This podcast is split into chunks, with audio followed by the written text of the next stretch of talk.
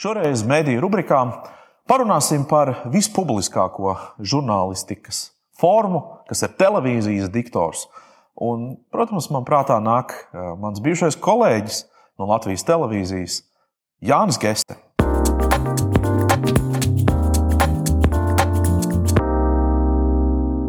Pirmkārt, Jānis, prieks, ka tu esi atradis laiku agrā rīta stundā. Man vismaz. mm -hmm. Jā, parastiem cilvēkiem jau sen diena ir sākusies. Uh, varbūt var mazliet izstāstīt, kā vispār veidojās TV ziņu diktora diena, jo vakars ir vēls. Tu naktas ziņas lasi vai nelasi? Šādi un tad, šādi un tad, jā. Nu, līdz ar to tā, tā, tā darba diena mēdz aizvilkties līdz pusnaktī, un dažkārt nedaudz pēc. Līdz ar to mans vakars Jā. Kā jebkuram pēc darba dienas beigām, nu man viņš ievelks līdz nu, vidum, dažkārt agrāk. Bet tev, tev jau sen nav droši vien nekāda adrenalīna, kas tāds - ka tur Oi, nē, nē, nē. Tu vari aiziet gulēt uzreiz pēc nē, ja? nē, nē, tieši pretēji tas, ko es gribēju teikt, ka jā, aizvien gandrīz katru reizi, un ja nav, nu, tad es viņu mēģinu radīt mākslīgi, jo patiesībā nu, tas ir nepieciešams. Man šķiet, Tu arī piekritīs, ka kaut kāds stress vai vēl kaut kas tāds viņš liek tev mobilizēties, savākties, sakoncentrēties. Un, un tieši pretēji, tā, kad tu jūties, hei, jā, ir baigi, labi, tūlīt viss būs baigi forši. Tas parasti nozīmē, ka tūlīt būs ļoti liels auzas. Viņas jau tur klavējas stūrīši, tu tikai vēl to nepieņem, un tad, un tad viņas pienāk. Jā, jā. Nu, labi, bet nu, cikos tu ierodies darbā, cik, cikos tev jābūt darbā? Oi, nu, tas ir ļoti plūstoši, droši vien atkarībā no tās. Televīzija jau nekad neguļ, vai ne? Un televīzijā alaži kā ziņas ir katru dienu, bet ir ļoti daudz lietas, kas notiek ārpus kārtas, un tās ir neparedzējamas. Bet, nu, ja es iedomājos, ka Latvijā notiek brīnumi, un ir viena tāda klasiska, rutinēta nedēļa, kurā nekas cits ārpus tās ikdienas dienas kārtības nenotiek. Nu, jā, nu es darbā esmu pēcpusdienām. 12 mm, ir tas, kad es sāku sevi nu, negluži modināt, bet nu, sagatavot dienai un tad doties uz zaķu salu. Un, tad dienas otrā pusē līdz vakaram ir tas laiks, kad, kad es esmu darbā. Jā. Jā. Uh, nu, kā tas notiek, tev visi sanās tagad papīra lapiņas, jā, un tu, uz, tu, tu, tu, tu, tu uzraksti savu versiju, vai, vai, vai kā, kā, kā tas notiek? Kā, cik daudz tu piedalies tajā ziņā? Ne, nu, ziņu raidījumā šobrīd tā izpratne ir tāda, vai ne? Agrāk senos tajos laikos, ko daudz saka, ka zāle bija ļoti zaļāka, tas nekas kā ar krāsu nokrāsot, lai izskatās labāk. Um, šobrīd uh, ziņas vairs nelasa diktors. Diktors vai nekuram vienkārši iedod tekstu, viņš viņu norunā, tāds kāds viņš ir. Uh, šobrīd uh, tas, kas mums tiek dienu dienā atgādināts, ka arī raidījuma vadītājs ir viens no raidījuma veidotājiem, un viņš arī par šo raidījumu saturu atbild. Līdz ar to nu, pirmais ko no mums gaida, ka mēs ļoti labi pārzinām tās dienas notikumu dienas kārtību. Gan Latvijā, gan pasaulē zinām to, kas notiek Latvijā, arī kaut cik apjaušam, kas ir tas aktuālais, kas notiek pasaulē. Tikai dēļ tā, ka, ja gadījumā tajās 35 minūtēs, kad mēs ejam gaisā ētrā, ja kaut kas notiek ārpus kārtas, ka mēs jau uzreiz esam gatavi eh, vai nu kādu intervēt, vai komentēt kaut kādu procesu, vai vēl kaut ko. Līdz ar to mums ir katra diena sākas to, ka mēs izējām cauri visam aktuālajam, kas notiek tajā brīdī. Tā kā nepietiek ar to, ka tu labi izskaties, tev arī kaut kas ir jāsaprot, jā? lai, lai, lai, nu, vismaz nedaudz jāorientējas, kurš tajā brīdī vada valdības sarunas, kurš nevada, vai kurš klauvē aiz durvīm, hei, mēs būsim nākamie. Nu, tā. Nu, tā ir viena sadaļa, kurai nu, tāda nu, tā ļoti taustām, vai ne? Tur rezultāti kā nevar apjaust. Bet katru dienu tev tas ir jāizdara, jāzina. Nākamais uzreiz seko brīdis, kad tu satiecies ar raidījumu producentu, kas mainās katru nedēļu. Vienu nedēļu ir viena producente, otru nedēļu otra. Tad mēs tā teikt, izējām cauri, kas tajā dienā no, no, no tā ziņu piedāvājuma mums ir, kas top, kas netop, kas vēl varētu tapt. Um, Nu jā, tad, tad ir tā izšķiršanās, kur mēs domājam, nu, kuras ir tās ziņas, kuras likt sākumā, kuras likt raidījuma beigu galā, kuras ielikt pa vidu anotācijā, lai tā teikt, mudinātu cilvēkus noskatīties raidījumu līdz beigām. Uh, tur mēs, jā, mēs tiešām daudz runājam par to, kā ziņas pasniegt, kas ir tas galvenais fokus, kas ir tie uzsveri. Nu, un tad, tad, tad pienāk tā otra daļa, kas ir raidījuma sagatavošana, kas tiešām ir eh, raidījuma vadītāja atbildība, jau vairāk domāt par to, kā mēs tās ziņas piesakām. Un to tad tu formulē vairāk vai mazāk. Uh, žurnālisti paši arī raksta studijas daļas. Viņi raksta tos vārdus, ko viņi vēlētos, lai mēs pasakām. Tad tu piekoriģēji, ja nu kaut kas tāds - piekoriģēji vai pilnīgi pārmaiņā, kā kurreiz. Nu, tas, tas mums ir daži meistari, kuri mēdz, nu, kuri spēj uzrakstīt tiešām tik garšīgus tekstus, ka jā, tur nekad, nekad nekas Nevajag nav labot. bijis jāpalabo. Jā. Kādas situācijas ir vairāk tādas, ka sižetu vai stāstu paliek pāri vai pietrūkst? Uh, gan, gan. Laikam jau tā būtu pareizākā atbilde, bet uh, šajā laikā es tiešām teiktu, ka Nu, nav tā, ka mums būtu pietrūcis kādreiz, jo Latvijā tiešām notikumi nepietrūkst. Nekad. Es šķiet, atceros vienu reizi, kad, kad, kad, kad bija ka pa īsi, ka nevarēja piepildīt. Īsi, jā. jā, jā, es atceros vienu tādu gadījumu. Um, ne, nu, kāpēc es to laikam neatceros? Jo man šķiet, ka mums jebkad, ja kādreiz būtu tā sajūta, ka ir pa īsu, nu, tad mēs paši ķeramies klāt un rakstam tās mazās ziņas aizkadrus, ko es pieļauju, ļoti labi atceros. Jā, jā, jā. jā, jā. Ziņas vienmēr. Ziņas ir. Un, jā. Jā, tas tas nepie, saka, uh mhm. -huh. nav tā, ka pietrūkt. Kā tev pašam šķiet, vai televīzijas diktors vispār var atnākt tā no malas un kļūt par televīzijas, labu televīzijas diktoru? Jo tas, ko tu pats arī minēji, ir jābūt iekšā ikdienā diezgan daudz tajā ziņu apritē.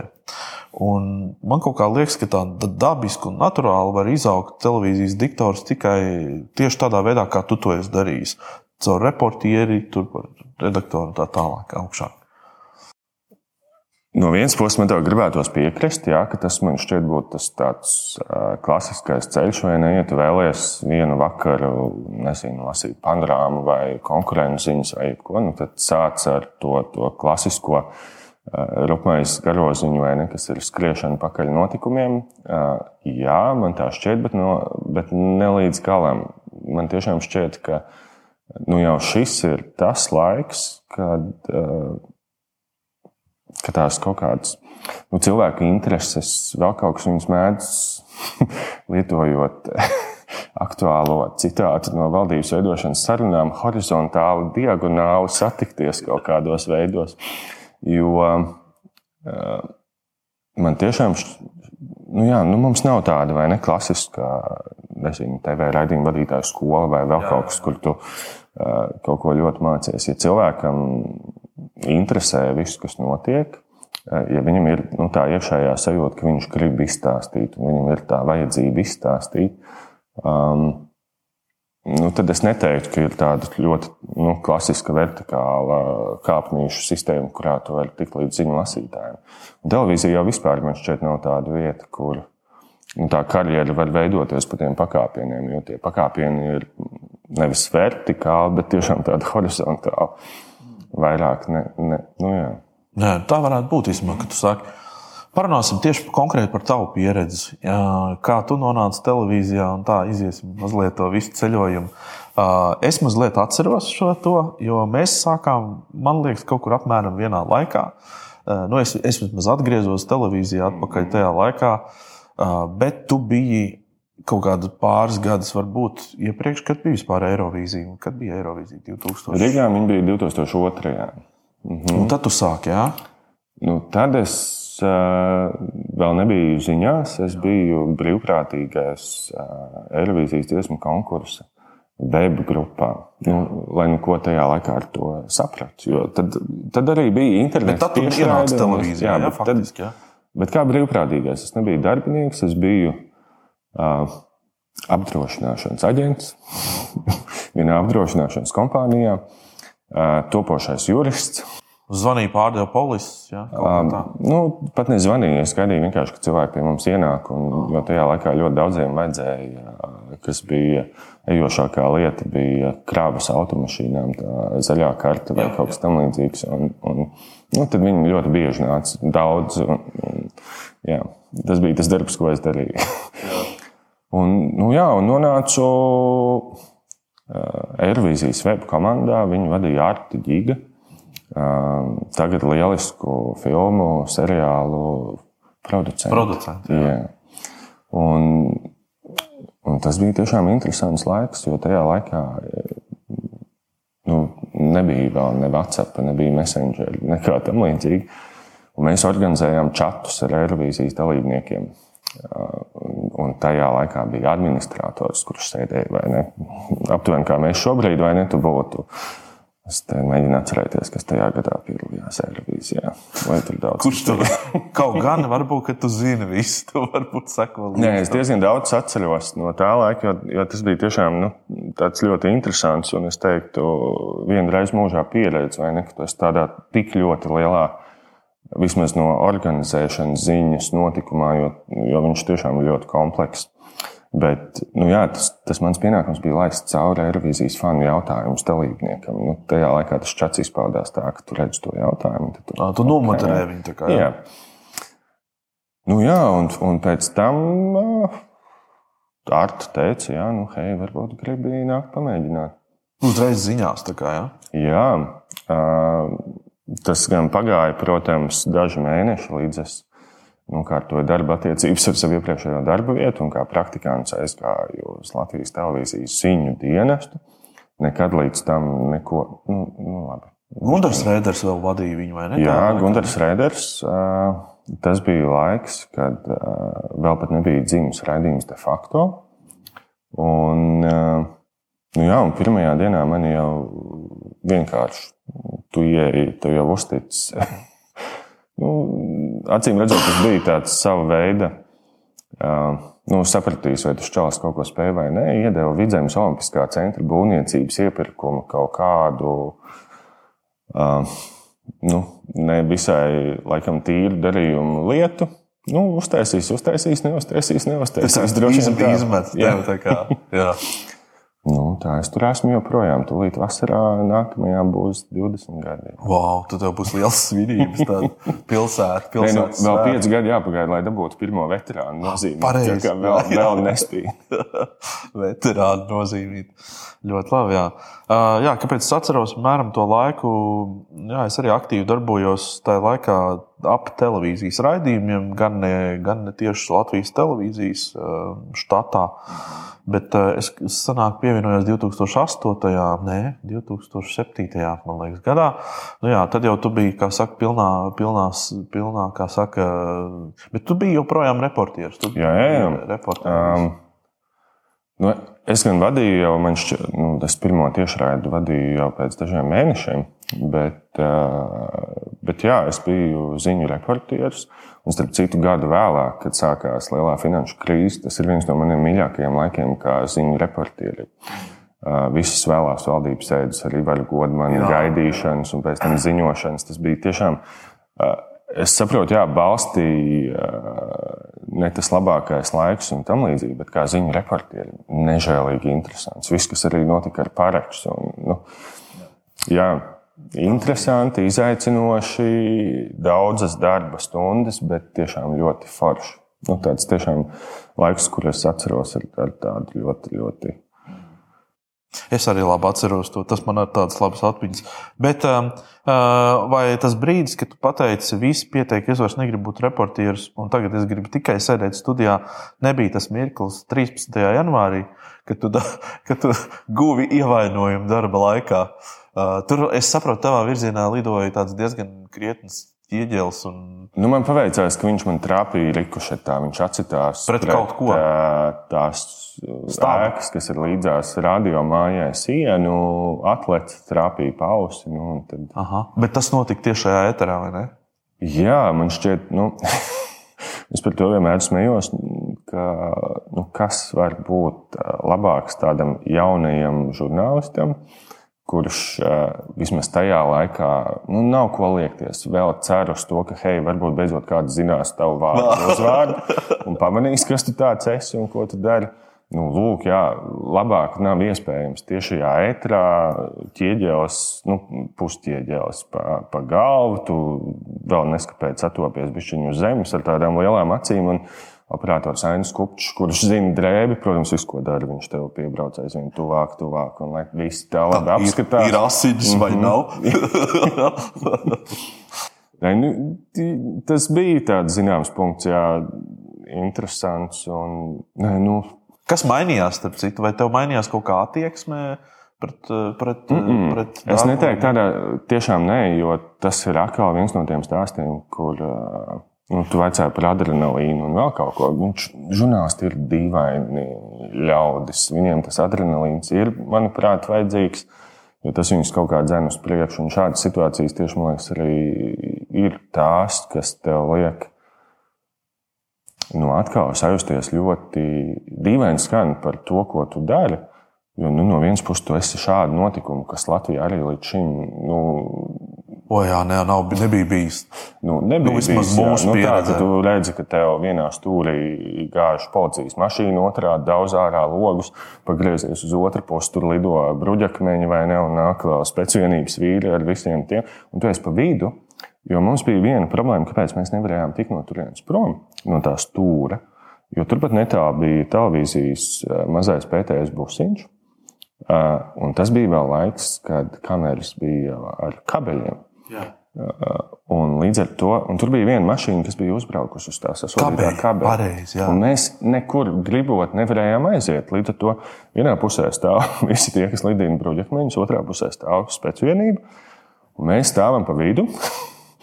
Un gaismonis, rūķis, mūsu mīļākais, vēl lai viss būtu labāk redzams, viss pa vidam izgaismo vai ne tādu, nu, tādu Uztaisīt vāciņu vidū. skatu. Uztais. Bet, ne, bet tas, tas tiešām nebija man šķiet, tas pagrieziena punkts. Man, kas man lika izšķirties beigās par ziņām, bija tas, ka es pirms tam, lai gan janvāra grautiņi bija 13. gada janvārs. Nē, 13. 13. janvārī, janvārs, bet šķiet 9. 9. 9. gadā. Jā, 9. gadā. Un tas ir vēl laiks, kad es vēl pāris gadus turpināšu strādāt de facto un vadīt de facto. Kas arī nu, kas nebija tāda, es, ne, es nevaru teikt, vai ne, par pašu. Tā bija mana apzināta izvēle, es gribu nokļūt de facto. Apstākļu sakritība bija tāda, ka jā, man vienkārši sanāca tur nonākt, un arī nonāca. Un bija viens brīdis, kad es darīju abas lietas paralēli. Gan veidoju sižetus de facto, gan vadīju de facto, un plus vēl lasīju vienu, divas nedēļas mēnesī panorāmu.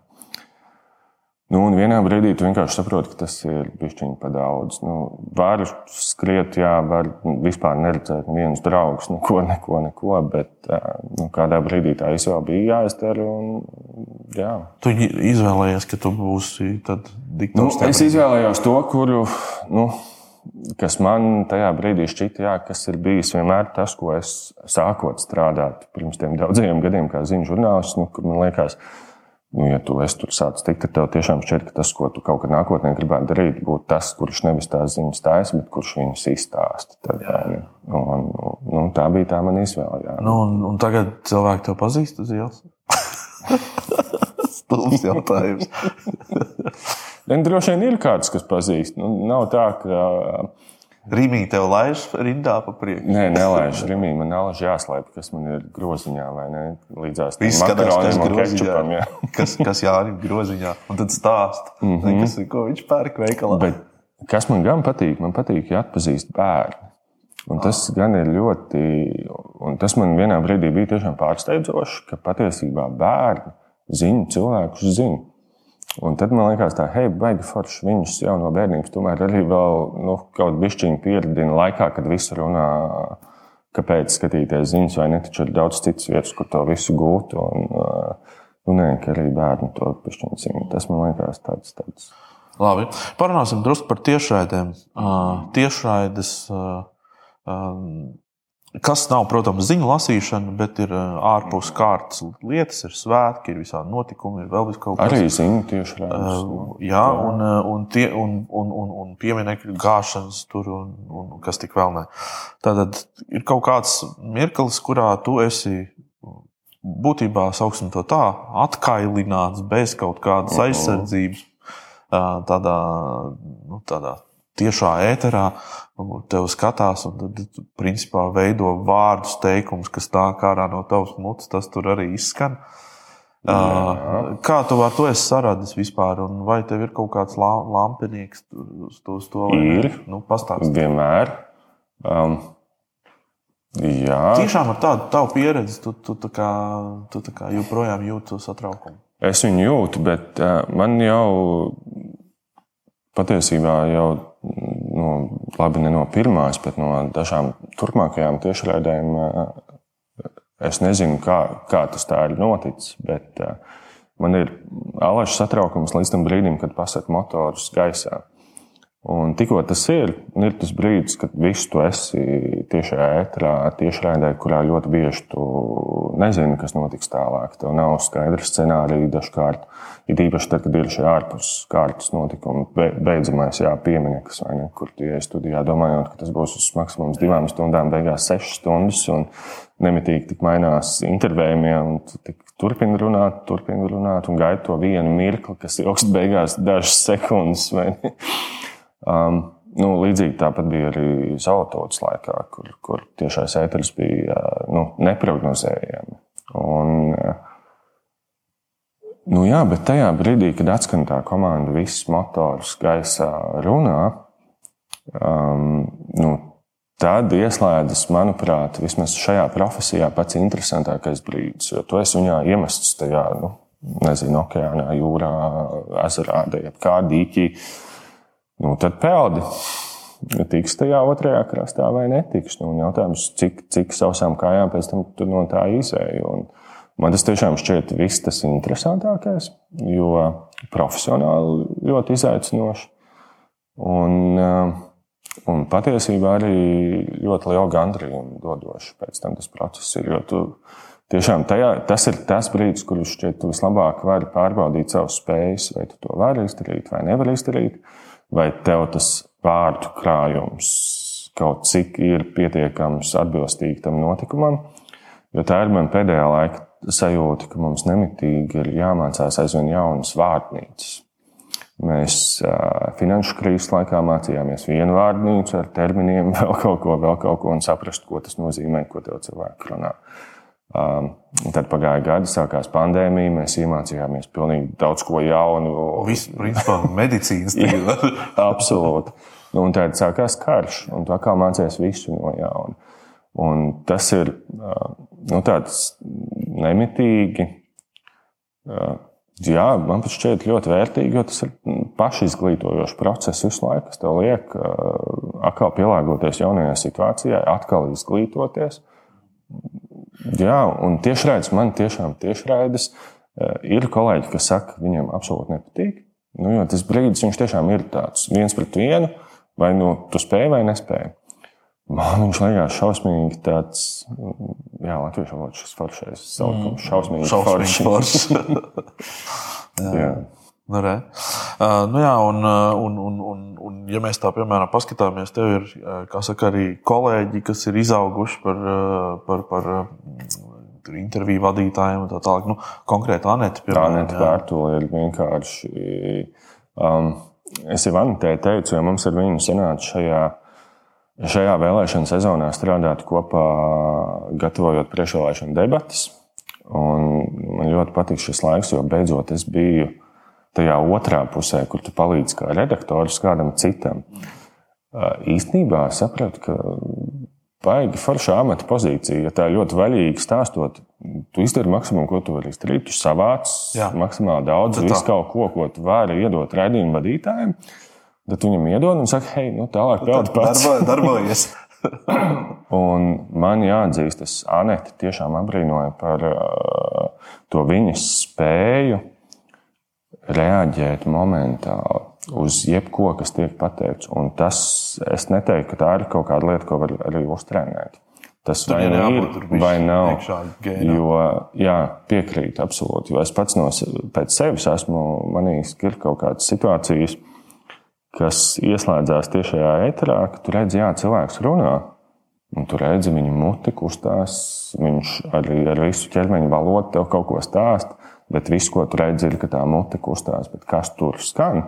Um, nu, līdz ar to es tiešām teiktu, Anētas gadījumā tas ir vienkārši super talants, visu dzirdēt un turklāt vēl precīzi reaģēt. Un tādu cilvēku mums nav daudz. Nav daudz. Tiešām nav jā, daudz. es, es pilnīgi mm. piekrītu. Jā. Um, jā. Vai ir kaut kas tāds, kas tev, uh, skatoties, piemēram, tādas ārzemju ziņu kanālus, skauž par to, ka viņiem ir tā un mums te tā nav? Um, man agrāk bija ļoti daudz lietas, kas man skauda, bet tad es uh, vienā brīdī sapratu, ka nevajag jau skaust, vajag mēģināt pašiem darīt. Un, uh, tur gan atdurās, protams, ļoti daudz lietas pie tā, gan pie tehnoloģiskām iespējām, lielākoties pie finansiālām iespējām, un vēl vairāk pie cilvēku resursiem. Jo var jau mēģināt kaut ko, nu, kaut kam dzīties pakaļ. Mēs alaši tas, ko mēs ļoti bieži un daudz skatāmies, salīdzinām, vērojam, mēģinām piefiksēt idejas, ir tas, kā ārvalstīs atspoguļo vēlēšanas, vēlēšana naktis, vēl kaut ko. Man tiešām mans favorīts ir Dānijas sabiedriskais mēdījis, kā viņi to dara. Tur gan, protams, ir nianses ar to, ka viņiem ir gadu gadiem rakstītās un nerakstītās tradīcijas, kā notiek viņu vēlēšanas, vēlēšana nakts. Tas viss ir nu, ekscelenti gan no politiķu puses, gan arī no mēdīju puses. Jo tad, tad, līdz ar to rezultātā tās tradīcijas, kas tur valda, ir ļoti viegli parādīt pēc tam no televīzijas viedokļa. Jo tu vienkārši zini, kas tur ir gaidāms. Katru reizi kaut kādā noteiktā laikā ieradīsies tās partijas pārstāvs, tad tas, un, un, un tu vari būvēt. Tā kā šaubu. tradīcija, principā. Jā, jā, tā, jā. Tehnoloģiski, jā, skaidrs, ka mēs visam nevaram aizlakt līdzi. Mēs nevaram arī nodrošināt to. Mums ir kolēģis Rudīts Pakauska, kur ir absolūts data freaks, datu žurnālistika. Jā, mēs visi saprotam, ka tas ir jau nescik gadu ejošs trends, tas ir virziens, arī uz kuru būtu jāiet. Tas, kas mums joprojām neiet līdz izpratni, ka arī tas prasa cilvēkus, kas ar to tikai un vienīgi strādā. Jo tas nav tā, ka, hei, vai ne klikšķis, man vajag šajā vakarā tāds un tāds darbs. Tas ir pilna laika darbs. Tās ir jaunas amata vienības, kurām būt, par kurām būtu jādomā, ja mēs gribam neizskatīties tā, kā tas izskatās ārvalstīs. No, no Visi vis kanāli ar saviem magic walls vai ne, kur vienkārši jā, skaudība un vēl kaut kas. Bet, ja godīgi, es tiešām domāju, tas ir. Ne, nu jā, dažu vēlēšanu jautājums, un tas viss būs arī pie mums. ļoti labi. ļoti labi atbild. Uh, noslēdzot mūsu sarunu, vai ir, kāda, ir kāds iemesls, kāpēc tu strādā tieši sabiedriskajā televīzijā, un uh, vai tu redzētu sevi arī teiksim, komercmedijā, vai, vai tomēr tai uh, sabiedriskam kanālam ir kaut kāda īpaša nozīme tev? Um, es nevaru laikam godīgi atbildēt uz šo jautājumu, jo man tiešām nav jausmas, kā, kā tas viss notiek komercmedijā, jo Latvijas Labi, televīzijā es esmu tik vilinājuši. Uh, kādu laiku atpakaļ, jā. Bet, nu, zini, kā ar laikam 20 gadiem sabiedriskajā televīzijā, tu vienā brīdī jau sevi iezīmē, ka, nu, nu skaidrs, šis ir sabiedrisko mediju cilvēks. Un, uh, Es nezinu, tā, tas, ko gan es man gribētos droši vien kādā brīdī kaut vai pieredzes apgūšanas ziņā redzēt, jā, procesus, kā tas notiek komercmedijos, jo man šķiet tiešām ir daudz lietas, kas es pieļauju, notiek dinamiskāk, iespējams efektīvāk. Un, un, jā, bet tad, nu, redz, mums ir jauns ieguvums. Mums ir mana lieliskā kolēģa Ilsa Dobela, kurai savukārt ir ļoti gara pieredze komercmedijos. Nu, mēs šobrīd viņas zināšanas ļoti aktīvi izmantojam. tā kā es, tā godīgi atbilde es nezinu. Jo es tiešām, nu, tie ir ļoti daudz, daudz gadi Latvijas televīzijā jau šajā brīdī. Un Latvijas televīzija ir tāda, ka ja tu vienā brīdī ar viņu nu, jau sāc saukt kā ar otrām mājām, tā ļoti izteikti. Nu, tad tu sevi vienkārši uzskati par Latvijas televīzijas cilvēku. Es sevi tā arī uzskatu. Jā, es tiešām esmu televīzijas patriots. Man ļoti sāp, kas ar viņu kādreiz notiek vai nenotiek. Un, un tajā pašā laikā man tiešām šķiet, ka Latvijas televīzija um, turpina augt, lai kā arī citi teiktu, ka nē. Un tāpēc es iepriekš arī sacīju, ka man ir tā pārliecība, ka nu, ar katru gadu no gada, vismaz kaut kādās jauno žurnālistikas tendenci lietās, gan jau Latvijas televīzijā tā varēs ļoti labi redzēt. Televīzija tūlīt būs 70 gadi, vai ne? Mm -hmm. 68 šogad. Tūlīt, tūlīt. Vai jā.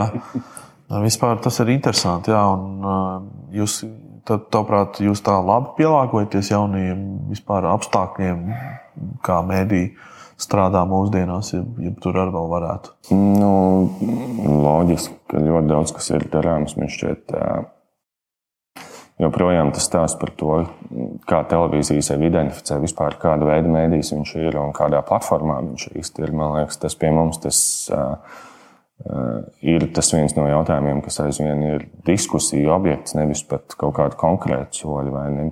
Latvijas televīzija ir mēģinājusi nu, jau vairākus projektus īstenot multimediju platformās, gan, gan digitāli, gan pēc tam LSM, un, un pēc tam tikai ejot uz, uz, uz klasisko lineāro televīziju. Nu, tie mēģinājumi ir dažādi. Es neteiktu, ka baigi veiksmīgi, bet tad atkal no otras puses paskatos, pirms gada šķiet, vai ne? Nepilnu gadu, kad BBC sāk runāt par par savu tēriņu mazināšanu un vēl kaut ko. Tad viena no pirmajām lietām, ko viņi nolikvidēja, bija projekts, ar kuru viņš paši ļoti lepojās. Jo viņiem bija programma, kas bija pēc koncepta Digital First vai ne. Un, un pēc tam vienā brīdī situācijā X, tad viņi ir tā, kas pirmā krīt. Tad jautājums, kāpēc, vai ne? Kas, kas, tur ir droši vien tā izvēle par to, kas ir tās televīzijas nākotne, kas, kas viņa tāda vispār ir. Jā.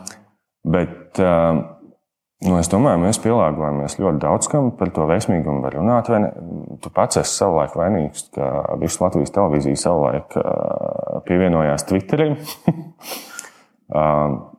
Jā, varam redzēt, par ko Twitteris izauga. Pēc tam man vienmēr liekas, ka tāda publiskā diplomātija visā pasaulē ir kļuvusi par Twitter diplomātiju, vai ne, lai atrastu jebkuru paziņojumu, jebko viss tas notiek Twitterī. Un tad tagad atopamies tur, kur mēs esam ar, ar to, kas tagad notiek. Jā, ar visu to jauno situāciju. Labi, Jāni, um, tas, ko es tev novēlētu, ir, lai daudz vairāk bērnu tevi atpazīst uh, uz ielas. Labs vēlējums. Tiešām. Paldies. Tas, no tā tas būs ieguvēji visi. Gan jā. tu, gan viss mūsu Latvijas sabiedrība. Forši paldies.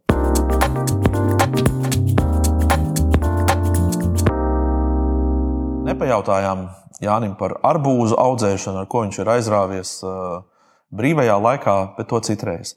Es domāju, mēs uzzinājām diezgan daudz par žurnālista darbu un profesiju, kā arī ieskatījāmies tādās niansēs, ar ko žurnālists atšķiras no uh, televīzijas diktora un kādu pienākumu ir televīzijas diktoram. Uh, es saku jums lielu paldies, ka skatījāties. Visu labu!